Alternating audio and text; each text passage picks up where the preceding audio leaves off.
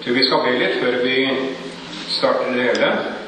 Kjære Jesus, vi legger kvelden i dine hender og det som skal sies, i dine hender.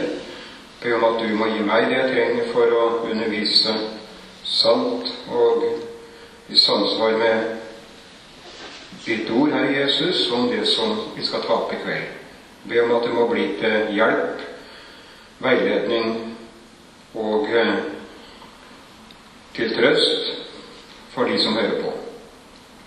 Og at vi også må våkne opp, Herre Jesus, for den utvikling som foregår i deler av kristenheten i vår tid. Amen. Det er jo andre gang at jeg prøver på å ha en sånn kveld som dette. Eh, det er ikke sikkert vi gjør det igjen til neste år, men eh, nå har, det, nå har vi jo gjort det i forrige gang jeg var her. Da tok vi opp eh, noen aspekter ved den tenkningen som kalles for NAR-bevegelsen. Og i kveld så skal vi ta opp et par-tre andre, eller et annet aspekt ved den tenkningen. Jeg regner jo ikke med at dere husker alt jeg sa sist. Det, er, det, det skal mye til, vil jeg tro, men kanskje noen husker litt om at det var med Donald Trump og det amerikanske presidentvalget. Det ble nevnt. Og jeg sa også noe om at denne NAR-bevegelsen at den hadde en form for politisk tenkning. Den ble styrt av noe som ble kalt for Dominion Theology. Det er flere utgaver av den, men det betyr også herredømmeteologi. Og den, den, den mer politiske aspektet ved den tenkningen, det var det jeg var inne på sist. Denne gangen så skal jeg prøve å få si litt om det de tenker om hvordan vår tilværelse skal forandres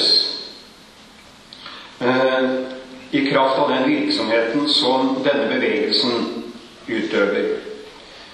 Nar det er jo blitt et litt sånn hva skal vi si mystisk ord.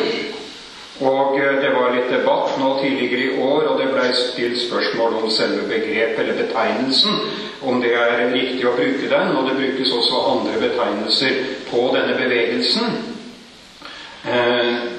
Blant annet kalles den for også Den beskrives som en nettverkbevegelse. En karismatisk nettverkbevegelse som da bruker Internett særlig, og har opparbeidet seg veldig stor innflytelse ikke bare i USA. Det har vært forskning på det, hvordan de vokser mye mer enn alle andre kirkesamfunn. Og, men de har også en global eh, virksomhet og et nedslagsfelt. Og som lærer på Fjellhaug så møter jeg jo det i form av spørsmål fra studenter.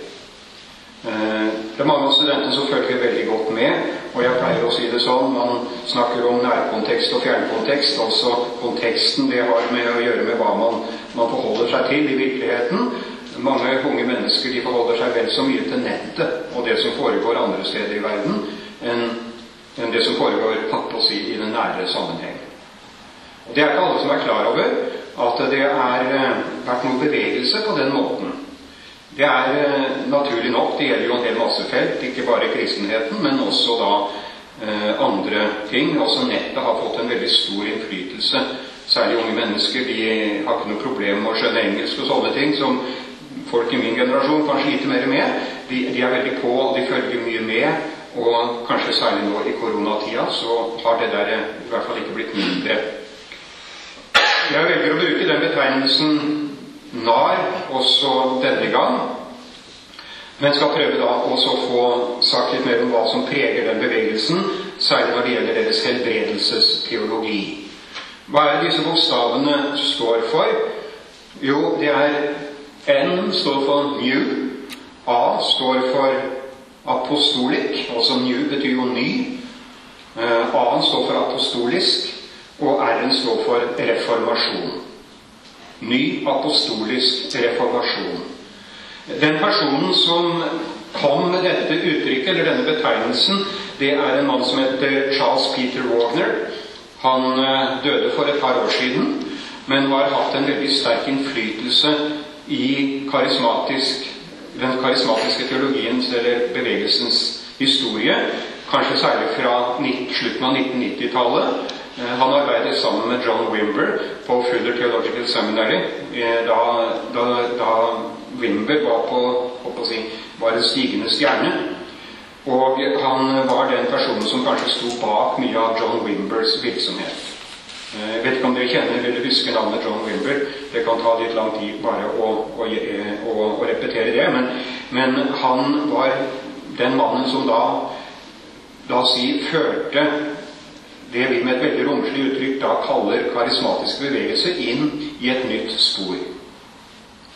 Eh, den opprinnelige karismatiske bevegelse som kom med, med, med Dennis Bennett på slutten av 60-tallet, eh, den var konsentrert om mer hjemmeskjenslige ting, ikke sant? Med, med second blessing, åndsdåp og sånne ting. Eh, tungetale eller ikke tungetale, det var det vi diskuterte da jeg var i ungdommen. Eh, og det er mange som tenker det er den karismatiske bevegelse ennå, men det har skjedd veldig veldig mye siden den gangen. John Wimber kom på slutten av 90-tallet. Han ville faktisk ikke bruke betegnelsen karismatikk. Det ville heller ikke Wagner. Og han var en mellomfigur. Han innførte på en måte en ny tenkning på mange områder, som da uh, videreføres en del av det i denne NAR-bevegelsen. Men samtidig så viser det seg at Wimber han var veldig skeptisk til denne nye bevegelsen som kom etter ham. Den kom med Toronto-bevegelsen særlig. Dere husker kanskje det nå? At folk begynte å falle. Altså Det skjedde et slags gjennombrudd for en ny, ny type bevegelse i og med Toronto-bevegelsen.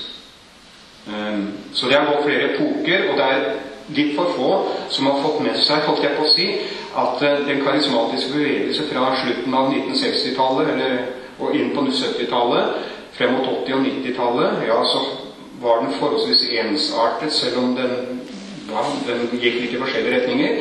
Men så kommer det den tredje bølge. Man kaller den første den andre bølge. Først Den første er pinsebevegelsen, så kommer den andre bølge. Med, med den karismatiske bevegelsen kommer den tredje bølge. Og det er denne C. Peter Wagner som har skapt disse betegnelsene. Og han har vært the man behind, altså mannen bak særlig denne nyapostoliske bevegelsen. Hva ligger i at det er en ny apostolisk bevegelse? Jo, ifølge Wagner så betyr det at nå skal den, det apostoliske funksjonen i Kirken gjenopprettes. Han mente det at frem til ca. 313 så si, ble apostlene Paulus, Jakob og Johannes og alle disse de ble etterfulgt av personer som hadde den samme autoritet som dem selv.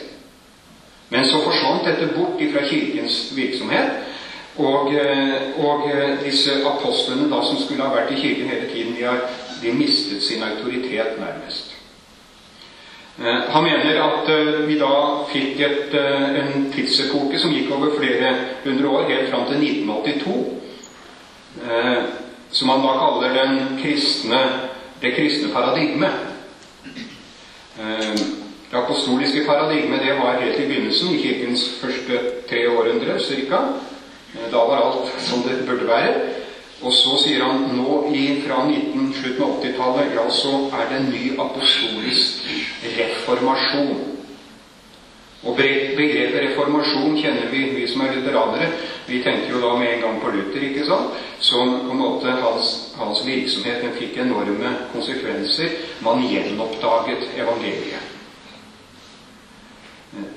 De sammenligner sin egen bevegelse med Luthers reformasjon, bare at de da sier den skal bli mye mer omfattende og mye større. Og i likhet med Luther så sier de at vi har gjenoppdaget sider ved evangeliet som Luther si, ikke fikk med seg. Og hva er dette nye? Jo, det er at eh, Gud skal gjenoppreise apostlenes virksomhet i vår tid. Vi skal igjen få personer som mottar direkte budskap ifra Gud, som taler og kommer med nye åpenbaringer, i tillegg til det som har vært fra før. Eh, det er apostler og profeter. Og det var i grunnen det jeg var inne på sist gang. ikke sant? Profetien om Donald Trump og diverse andre ting som snart skal komme til å skje. Det er en rekke profeter innenfor denne bevegelsen som sier det med klare ord. Vi snakker med Gud. Vi mottar syner om Gud, fra Gud, og vi vet hvor store vekkelser som kommer. Og de har jo snakket om disse store vekkelsene sine nå i ca. 20 år. Og eh, vi ser med tilbakeblikk at de har jo ikke blitt innfridd, men de, de kommer stadig med nytt. Eh, I tillegg så er det nye det som på en måte De mente at Luther hadde et eh, la oss si, avgrenset eller forkortet evangeliet. Evangeliet skal også innebære at kristne mennesker bruker en guddommelig kraft eller får disposisjonsrett til en overnaturlig virkelighet. Og de skal innføre nye tilstander på jorden, der hvor sykdom, lidelse osv. etter hvert forsvinner. Derfor så skal de gå på gatene og helbrede. Eh, de skal eh, til og med reise mennesker opp fra de døde. Og det er da den delen ved evangeliet som man ikke har fått med seg tidligere. Det at de kristne får en utrustning, eller har en utrustning som må utløses, og så skal de gjøre si, de skal gjøre store gjerninger, og så skal himmelen invadere jorden, som de sier. Og Jeg vil jo si det sånn allerede innledningsvis det der er et falskt evangelium. For evangeliet handler utelukkende om hva Jesus har gjort for oss. Det, er, handler om gaven, synsforlatelsen, frelsen og nåden. Og når man legger til evangeliet hva vi skal gjøre angivelig i Guds kraft, ja, da, da blir evangeliet gjort om til noe annet enn hva det er. Og det er noe av sporene etter denne bevegelsen. Mennesker har slitt seg helt ut ved å prøve å gjøre under og tegn og å holdt på å si gi alt. Det er en form for logiskhet som er veldig krevende. Og det er, det er faktisk ganske mange som har, som har, slitt seg ut, og som ikke kjenner til det evangeliet som på en måte er det opprinnelige. Jeg har møtt flere av dem som sier ja, jeg visste ikke at Jesus hadde gjort alt for meg. At det der var nåden og frelsen og det hele og kanskje har oppdaga det. Nå skal vi gå inn på denne bevegelsen. Jeg tror jeg trenger begge timene. Skal prøve å dele de to, slik at jeg får eh, i, i samsvar med de sakene som, som, jeg skal prøve å berøre. Men vi kan prøve å Ved hjelp av denne da, powerpointen så skal jeg prøve å skissere den tenkningen som ligger til grunn for, for denne bevegelsen. Jeg har eh, laget en stifret linje på midten det ser dere. Og så har jeg da skrevet noe, noen setninger på over linjen og noen setninger under linjen. Og med stor, store bokstaver eh, den, på den øverste der så står det 'den overnaturlige virkelighet'. Eh, og eh, den, under så står det 'naturlig virkelighet'. Den som hører litt på den forkynnelsen som pågår innenfor denne bevegelsen, vil ganske snart oppdage begrepene over, betegnelsene overnaturlig og naturlig virkelighet. Supernatural reality og natural. Hva ligger i disse begrepene? Hva er den overnaturlige virkelighet? Jo, det er den virkelighet som mennesket først ble skapt til å leve i. I denne virkeligheten, ifølge dette paradigmet som de har utviklet, eller den tenkningen utviklet, så eksisterer såkalte overnaturlige lover. Den er på en måte er lik den naturlige virkelighet, men det er en annen type lovmessighet som, som er der. Det er en eksistens som ikke er bundet av tid og rom, det er en eksistens der holdt på å si, sykdom og død og uh, slike ting ikke eksisterer. Uh, det er en eksistens der holdt på å si, mennesket var skapt opprinnelig i Guds bilde til å, til å ha disposisjonsrett over denne virkeligheten og disse, lov, disse lovmessighetene. Og skapt til å herske sammen med Gud i denne virkeligheten. Så der Man forutsetter to parallelle virkelighetsdimensjoner den naturlige virkelighet det er det som mennesket falt inn i, og som det eksisterer i i vår tid, og som vi alle lever i, da er det også som følge av syndefallet så har det kommet en ny eksistens. Det er de såkalte naturlovene. Vi lever innenfor tid og rom, ikke sant? Vi lever i vår tid.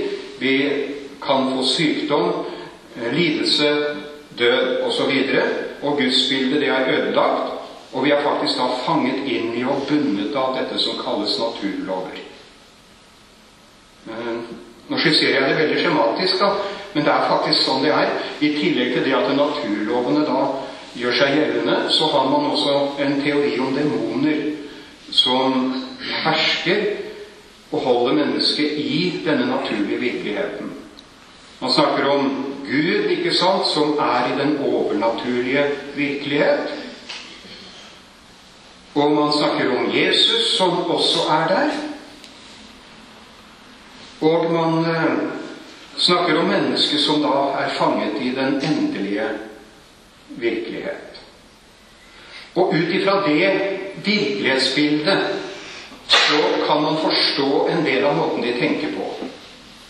En kan forstå hvordan de tenker om Jesus Kristus, og en kan forstå hvordan de tenker om mennesker som ikke er gjenfødt. De bruker gjerne dette uttrykket 'born again', kristne. Og vi kan forstå hvordan de på en måte begrunner at mennesker som da er gjenfødt, kan gjøre under og like store tegn og gjerninger som Jesus selv. Jeg skal prøve å, å illustrere det ved også å bruke disse blokkene. Vi, er, vi kjenner jo igjen noe av disse temaene, ikke sant? Både syndefallet, at det fins en himmelsk virkelighet, og det fins en, en, jordisk virkelighet osv. Alt dette her har vi jo på en måte Det er gjenkjennelig.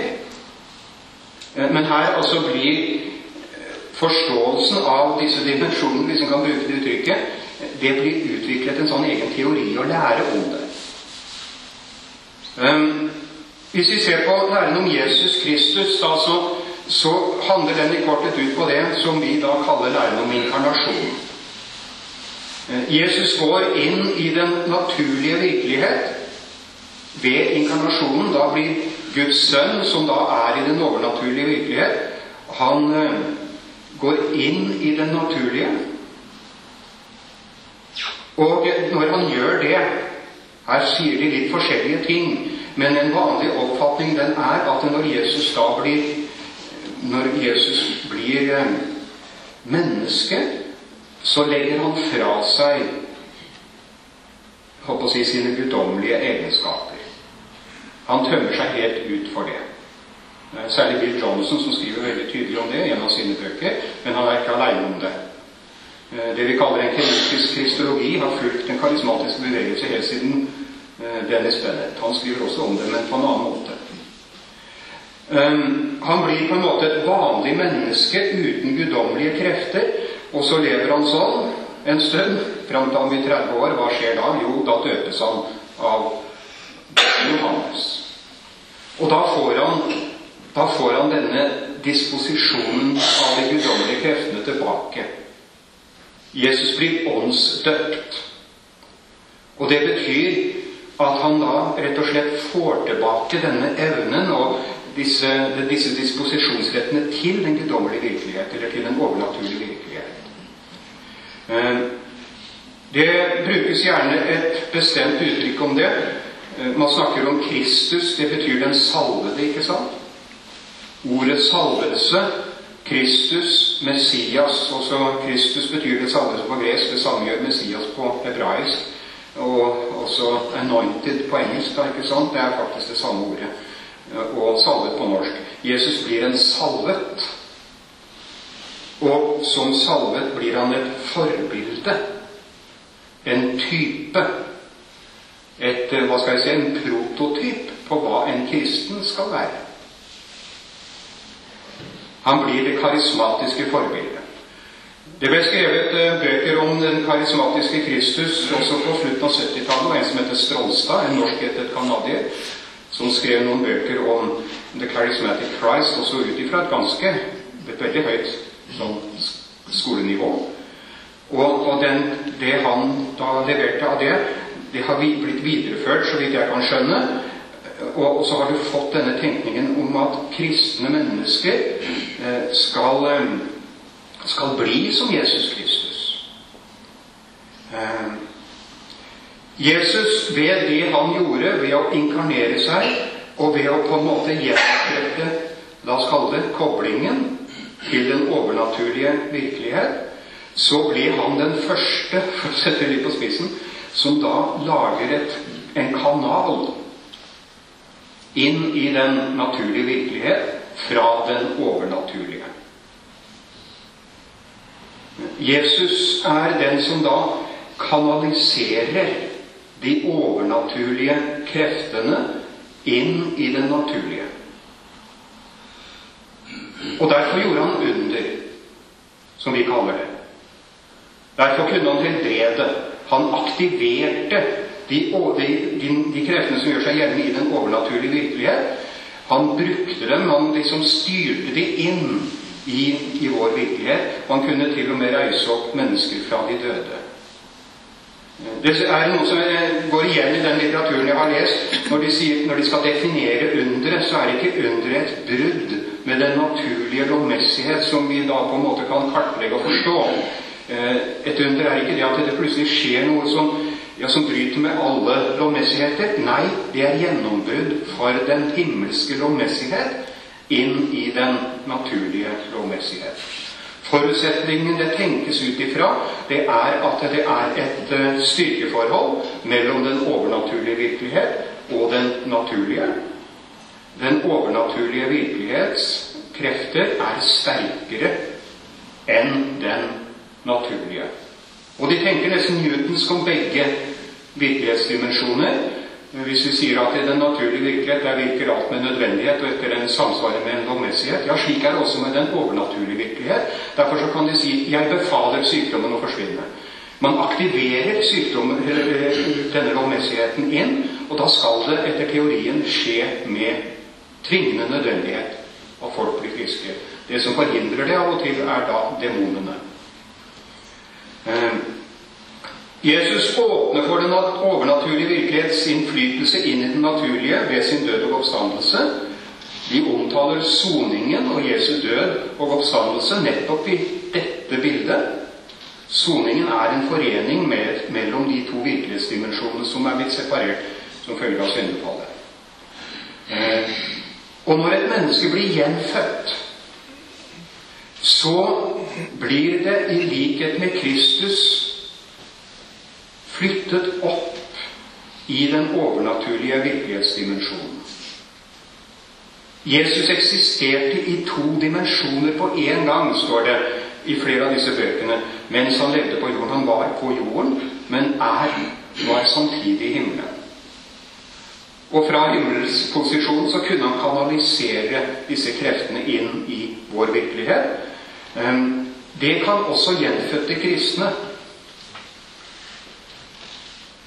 Det er, de er på en måte i den dimensjonen, men problemet er at de har ikke utløst det potensialet som ligger i det, blir det sagt. Og det er mye av det som denne bevegelsen særpreges av. Det er at man driver kursvirksomhet, nærmest, og skal på en måte ja, rett og slett sertifisere folk til å gjøre under. Randy Clark har en veldig stor nettside som leses over hele verden. Og han, det står på den, han sertifiserer faktisk både til å være profeter og til å gjøre undergjerninger. Man kan følge hans kurser på nettet, og, og, og så får man et sånt bevis på disse tingene. Eh, da skal man også gjenfødte kristne de skal da sammen med Jesus kanalisere den overnaturlige virkelighetens kraft inn i vår verden. Og Da blir Jesus den første, men så får han flere med seg. De blir stadig flere. Og Jesus blir da på en måte klassifisert som eh, den som er hodet, eller lederen. Han har på en måte han, er, han har, har, en posisjon høyere enn de andre. Men det er ingen forskjell, så langt jeg kan se, mellom Jesus og gjenfødte med hensyn til å ha denne disposisjonsretten. Vi skal gjøre samme gjerninger og samme mirakler som Jesus. Det vises i Johannes evangeliet 14 gjerne. Eh, et, en tekst der. De skal invadere den jordiske tilværelse. Himmelen skal invadere jorden. Det er det som ligger i det uttrykket, som da er tittelen på en bok, som er godt kjent og lest av veldig mange her i Norge. 'Heaven in Ways the Earth', Bill Johnson. Eh, denne Wagner skrev en bok med en lignende tittel i sin tid. Og da, når dette skjer, så forsvinner sykdom. Og holdt å si, jo flere det er av slike kanaler på et geografisk sted, jo større muligheter er det da for at sykdommen forsvinner. Og det er bakgrunnen for en uttalelse som Bill Johnson hadde da han besøkte Norge i 2010. Det ble slått veldig sterkt opp i Vårt Land, en hel midtside. Jeg husker det ennå. Eh, mulig dere husker det òg. Han var da på besøk i et fellesarrangement i Oslo, var det vel, og hadde en slags turné. Og da sa han Bergen kan bli en kreftfri by om fem år. Det vakte jo oppsikt. Bergen kan bli en kreftfri by i løpet av fem år. Ja, hvordan kunne han si det? Jo, så vidt jeg skjønner, så må det være ut ifra dette resonnementet det var et stort nedslagsfelt av holdt å si, gjenfødte der. Og eh, aktivitet som man kunne vedkjenne seg. Og dermed så skulle, skulle det bli et gjennomslag for himmelens krefter i Bergen. Det har ikke gått sånn. Um, det blei sagt noe lignende om den byen der Bill Johnson selv har sin menighet for eh, godt over ti år siden, og så har blitt gjentatt senere. Redding skal bli en kreftfri sone. Og eh, eh for ja, det er to-tre år siden nå så hadde man en stor bønnekampanje i Redding. Den fikk global oppmerksomhet. Det var et foreldrepar som hadde opplevd det verste som kan skje med foreldre, at toåringen deres døde. Man aktiverte en bønnekampanje over hele verden for, få, for at dette barnet skulle våkne til liv igjen. Det hadde veldig stor oppmerksomhet også i de sekulære avisene i USA. Og de holdt på ganske lenge før de ga det opp. Og når de da ga det opp, så skriver Chris Wallaton i en bok han kom med i 2020 Han er også lederen for denne hva jeg kaller det, denne School of Supernatural eh, activity, holdt jeg på å si. Altså det er en egen sånn skole i, i Redding som har uttrykket 'supernatural' i seg. Da skriver han det var demonene og journalistene og alle som tvilte, som hindret dette barnet i å, å stå opp fra de døde. Og det med dødeoppvekkelser, det har vi jo sett litt til. Det har vært oase. Så hadde vi jo en person for noen få år siden en som heter uh, Supresa Sitole, som da angivelig skulle ha vekket opp flere fra de døde. Det var mye fokus på det, debatt om det. Jeg var engasjert meg sjøl i den debatten. Jeg tror det var i 2017 rundt der. Og eh, vi hadde jo også da, hvis vi går helt tilbake til 2008, ikke sant, så hadde de denne Lakeland-bevegelsen med Todd Bentley. Han skulle også da ha vekket opp flere fra de døde. Så dette her har vart lenge. Og jeg har møtt flere i Norge som har fortalt meg altså at folk som da snakker gjerne med noen andre enn seg selv og sier ja, jeg kjenner til at det, det er noen som samler seg for å be for støde mennesker for at de skal stå opp igjen. Det er 14 dager siden sist noen stilte meg det spørsmålet. Og hvem er det som stiller det? Hvor er det disse tankene kommer fra? Jo, de kommer ifra nettet. De kommer fra YouTube. De kommer ifra jeg eh, håper å si, forkynnelse, undervisning osv som på en måte er veldig lett tilgjengelig, og som da kommer da fra disse menighetene som, som denne, denne Chris Wagner klassifiserer som The New Apostolic Reformation. Det er en bevegelse. Det er ikke en organisasjon. Det er en, en si, flere kristne menigheter, som, eller karismatiske menigheter, særlig i USA, som på en måte har en samme teologiske profil og tenkning, og som arbeider på samme måte. De har et hierarki seg imellom, et løst samarbeid. Det er Chean som har vært den store apostelen over mange år, og så har du andre som da på en måte rangerer under han igjen. Og de har et kolossalt nedslagsfelt. Det er disse menighetene som, som da kanaliserer dette utover verden. Um, Jesus er også det karismatiske uh, forbildet. Nå har jeg et sitat her helt øverst. Dere kan kanskje se det. Det er hentet fra en bok av Bill Johnson og Randy Clark. Den er også oversatt til norsk.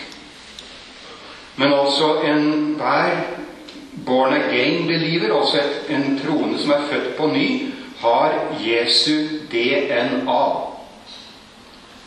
Jeg kan jo lure på hva bruker man Hvorfor i all verden bruker man DNA-begrepet her? Jeg skal komme litt tilbake til det. For det er slett en ny omdreining i denne bevegelsen. Nå er jeg inne på det som på en måte preget denne bevegelsen la fram til 2010, og delvis preger den ennå. Men også at man begynte å bruke biologiske begreper. Og bruker man det, ja, hvordan bruker man det? Også for å på en måte vise hva man mener med at vi er lik Kristus. Uh, every born again believer has the DNA of, Christ. Altså, vi er DNA-en i meg. Og uh, det gjør da uh, at vi skal kunne manifestere og vise Guds ansikt og være Guds hender nærmest på jorden. Og da, da sier jeg det sånn også Jesus er på en måte forbildet, eller typen, som de kristne skal bli lik. Liksom han er i to dimensjoner, den overnaturlige og den naturlige, da han levde på jorden, ja, så, er, så blir vi på en måte de samme dimensjonene. De gjenfødte får hans salvelse. De blir Kristuser. De bruker det uttrykket. Det er og avviser de som sier at det er bare én som er Kristus. Det er flere, faktisk. Går inflasjon i, i ordet Kristus. Vi blir som han, men vi, han er likevel da omtalt som å ha en overordnet stilling. Og jeg har brukt uttrykket man blir nærmest duplikater av Jesus Kristus. Og vi er altså da, ifølge denne tenkningen, vi, sier Eh, ifølge den så er de som er gjenfødte da, i en overnaturlig virkelighet sammen med Jesus og disponerer de himmelske kreftene sånn som han. Man kan derfor lære å helbrede, og man kan lære å befale sykdommer å forsvinne. Det er ikke snakk om å be Gud og legge det i hans hender hvis du vil, sånn som vi er vant til holdt jeg på å si, når vi ber for noen som er syke, for det skal vi jo gjøre ifølge Skriften. Men her er det ikke snakk om bønn i betydning overlate saken i Guds hånd. Nei, man skal befale sykdom å forsvinne. Da, over, da aktiveres de overnaturlige lovene, og de på en måte kjøres inn i den naturlige virkelighet, og det skjer helbredelse. Og som sagt, miraklet er at overnaturlige lover kanaliseres inn i den naturlige virkelighet. Og blir det riktig mye av dette her, ja, så kan oppstår det nye tilstander på geografiske områder. Himmelen invaderer jorden.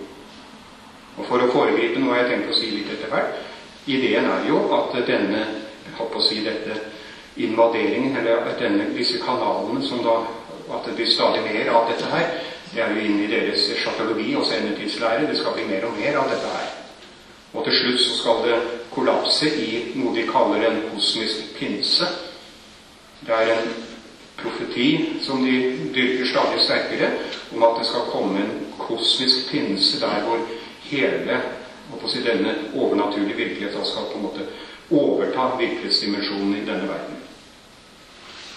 Ja, de som fulgte litt med på New Age-bevegelsen på 90-tallet, spør ligner ikke dette på The Age of Aquarius, som man sa om den gangen. Jo, det gjør det. Og det, sier de, New Age-bevegelsen har noe som vi Vi har tatt, på en måte tatt uh, annektert noe som egentlig tilhører de kristne. Jeg skal komme tilbake til det. De er veldig tydelige på det. Uh, vi skal gå inn på en av de, eller se litt nærmere på en av de personene som da er ganske, la oss si, eh, representative for den tenkningen som jeg nå har skissert. det er Randy Clark. Og vi kan godt ta den Bill Johnson også. De opererer veldig mye sammen. Jeg vil si at Randy Clark er en slags overgangsfigur, eller en person som, som på en måte markerer overgangen fra John Wimbers tenkning. John Wimber var atskillig mer moderat, vil jeg si. Eh, det var Andy Clark som hadde en nøkkelrolle da denne Toronto-bevegelsen fikk gjennomslag. Eh, det var nesten vi kan si det var han som utløste det hele.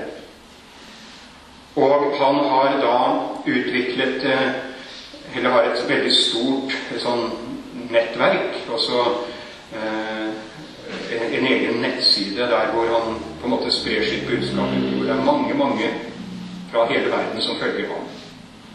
Han var i Norge eh, for noen få år siden, eh, og eh, dere så ham hvis dere fulgte med på denne serien på NRK som heter Guds lærlinger den litt eldre mannen der som lærte disse ungdommene hvordan de skulle be for syke, det var Randy Clark. Og måten han var på da, det, det, dere, det husker jeg. Jeg stusset jo selvfølgelig over det. Og, og, når man da har lest hans bøker litt, så, så ser man hva slags tenkning han har. Han foregriper noe av det som nye tingene som kommer etter 2010. Men eh, det han har gjort, altså det er han har utviklet en egen La oss si, eller videreutviklet en sånn helbredelses eh, helbredelsesseremoni, eller måte å helbrede på, eh, som eh, knytta til noe som heter Det Sosso-programmet. Det har egentlig opprinnelse fra Argentina. Eh, men forutsetningen er da at helbrederen befinner seg i to dimensjoner i den overnaturlige virkelighet og i den naturlige. Og Noe av det første man da må, må lære seg, det er å kunne snakke med Gud. Allerede John Wilber snakket om, eller kom med dette med at Gud kan gi troende mennesker visdomsord ikke sant? og personlige profetier og slike ting. Dette kom det mye mer av etter hvert utover på slutten av 90-tallet og 2000-tallet. Jeg husker særlig på begynnelsen av 2000-tallet så var det mange av studentene mine som kom og stilte spørsmål. Jeg greier ikke å høre Guds stemme, sa de. Det var jeg som sa. Hva er det som er gærent med meg? Nei, jeg hører ingenting heller, sa jeg. Og da viser du til Bibelen. Det, det står i grunn det du trenger der. Men det var en metodikk.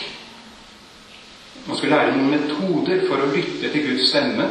Og man skulle da på en måte lære seg å gå etter denne stemmen. Høre hva Gud sier, og gå dit Gud vil Og så videre og så videre. Det var på en måte å koble til den overnaturlige virkeligheten. Jeg pleier å si det sånn Legg til sides all type sånn metodikk når det gjelder dette her. Hvis Gud har tenkt å si deg noe, så gjør han det. Uten at du behøver å stresse deg opp for det. Hvis Gud vil minne deg om noe, det tror jeg Gud kan gjøre. Men da kommer det i grunnen når Gud vil. Vi skal få slippe å stresse med noe metodikk for å kunne utvikle et slags hva skal jeg si, åndelig antenneapparat som en skal kunne på en måte motta beskjed fra Gud gjennom. Det er også hva vi gjør her. En helbreder må kunne snakke med Gud. Og hvorfor det? Jo, bl.a. fordi man da kan motta Guds diagnose på et tilfelle. Det skriver han med rene ord. Det skjer nødvendigvis ikke hver gang. I de fleste tilfellene når noen søker en helbreder, så vet de hvilken sykdom de har. Men han skriver i denne boken sin at det Gud åpenbarte for ham i enkelte tilfeller at en person kanskje led av epilepsi. Han så sykdommen og mener også at det går an å motta en diagnose from heaven. Det er sterkt. Eh, ja, hva vil en lege si til det? Jeg vil i hvert fall jeg vil i hvert fall si spør legen. Gå til legen og la dem sette diagnoser. For all del. Eh, legevitenskapen, naturvitenskapen, det er gitt noe, som noe vi skal få lov til å, å bruke og, og, og, høre på. Og så kan man da, ifølge Randy Clark så skal du befale sykdommen å forsvinne. Og han bruker også dette DNA-formuleringen. Når det er DNA eh, DNA-betinget eh, sykdom, altså en sykdom som skyldes noe som kan føres tilbake på DNA-et, altså, så sier Randy Clark at vi kan befale at DNA-et omskrives. Forandre DNA. Han ser for seg helbredelsen som noe som skjer på et dypt biologisk plan. Det skjer en endring i si, det som fremkaller sykdommen. Og når denne endringen da har skjedd nærmest på det subatomære plan, hvis en kan bruke det uttrykket, ja, så, så, forplanter det seg slik at det, det som var sykt, blir fullkomment frisk. Jeg har noen sitater ifra denne boken som da går på, på hvordan man skal befale sykdom å forsvinne. Eh, jeg kommanderer det høye blodtrykket til å gå ned til vanlig, til vanlig nivå. Det er det som står i den første gule der. Jeg kommanderer denne tumoren, eller denne svulsten, til å til å, å, å minke, til å forsvinne. Jeg forbanner den. Og jeg kommanderer DNA til å bli rewritten, altså skrevet på nytt. Slik at det gir et nytt budskap til kroppen. Det budskapet som var i samsvar med Guds design og opprinnelige plan. For det er jo demonene som er opphavet til noe som er galt i DNA. Det er tankegangen. Jeg kommanderer DNA-et til til å forandre seg og bli normalt.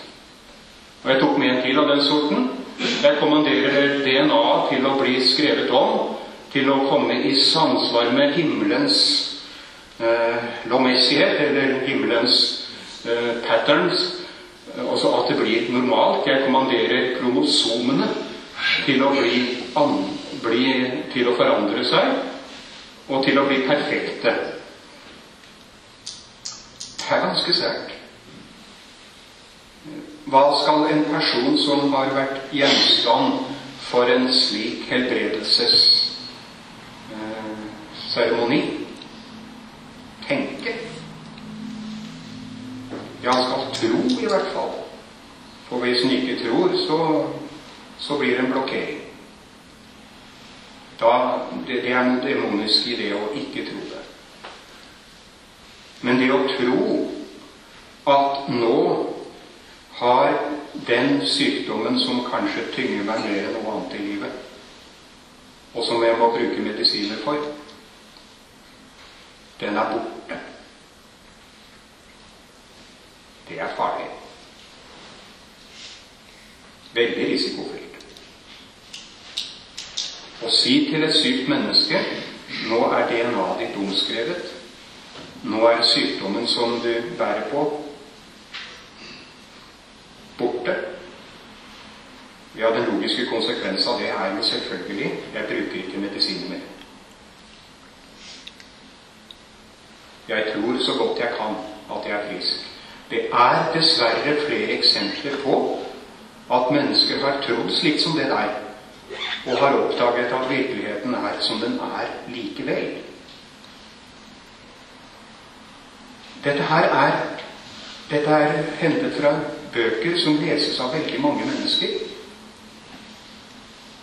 Det er også i hvor stor grad vet ikke jeg, men det er også noe som kanaliseres inn i Norge. Randy Clark var som sagt med på denne serien Guds lærling. Og jeg husker da han var for en person, ja, så kjente jeg igjen måten han, han gjorde på. Det, det, reflekterte denne måten her å tenke på. Og jeg tror det at, at vi må overlate til Gud dette her med, med, sykdom. Vi har lov til å be om helbredelse selv for de mest alvorlige ting. Det tror jeg. Men det ligger i Guds hånd. Det er ikke vi som disponerer og er håper å si, guddommelige krefter og er satt til å herske over disse kreftene og kunne befale sykdom å, å forsvinne. Når du leser i Apostlenes gjerninger kapittel 4 om apostelen Peter som ble redskap til å helbrede en person. Han var, han, han var ødelagt i beina, og kunne, han reiste han opp igjen. Ja, Så spurte de hva er det som har skjedd, hvem har gjort det? Jo, det skjedde ved Jesu Kristi navn. Det er Jesus som har gjort det. Jesus er det eneste gudmennesket. Det er han som har den guddommelige makten. Om vi da er blitt gjenfødt, ja, så er vi ikke ute av denne verden. Vi lever under de betingelser som andre mennesker lever under, og selv en kristen kan bli alvorlig sjuk. Da har vi lov å be om helbredelser, og vi legger det i Guds hånd. Det kan skje. Vi vet ikke hvorfor det skjer noen ganger, og i de fleste tilfeller kanskje ikke. Og Samtidig så kan vi også si det er da ikke noe ukristelig å gå til lege og bruke medisiner. Det er faktisk noe man må si selvfølgelig skal vi gjøre det.